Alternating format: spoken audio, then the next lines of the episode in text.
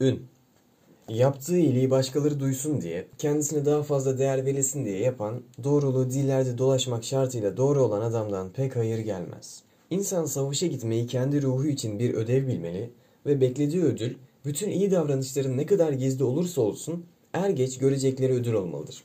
Bu da temiz bir vicdanın, iyi bir iş gördüğü için kendi içinde duyacağı rahatlıktır. İnsan kendi zevki için mert olmalı ki, mertliği talihin cilvelerinden uzak kalsın, sağlam ve güvenli bir temel üzerine yerleşsin. Ruhumuz yapacağını gösteriş için yapmamalı, her şey içimizde, hiçbir gözün görmediği en gizli yerimizde olup bitmelidir. Orada ruhumuz bizi ölüm korkusundan, acılardan, yüz karasından bile korur. Çocuklarımızı, dostlarımızı, servetimizi kaybetmeye dayanacak ve gereğince savaşın tehlikelerine atılabilecek bir hale getirir.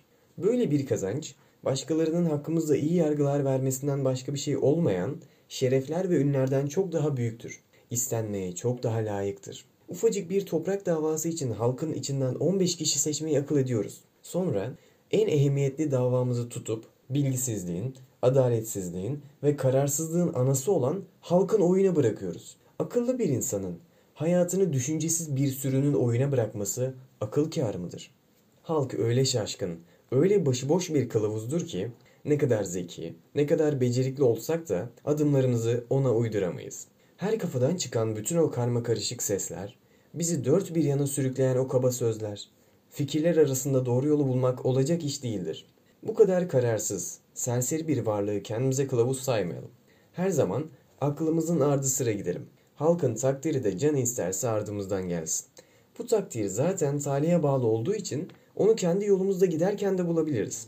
Doğru yolu yalnız doğru olduğu için tutmak istemesek bile bu yolun eninde sonunda halk için de en yararlı yol olduğunu göreceğiz ve yine ona döneceğiz.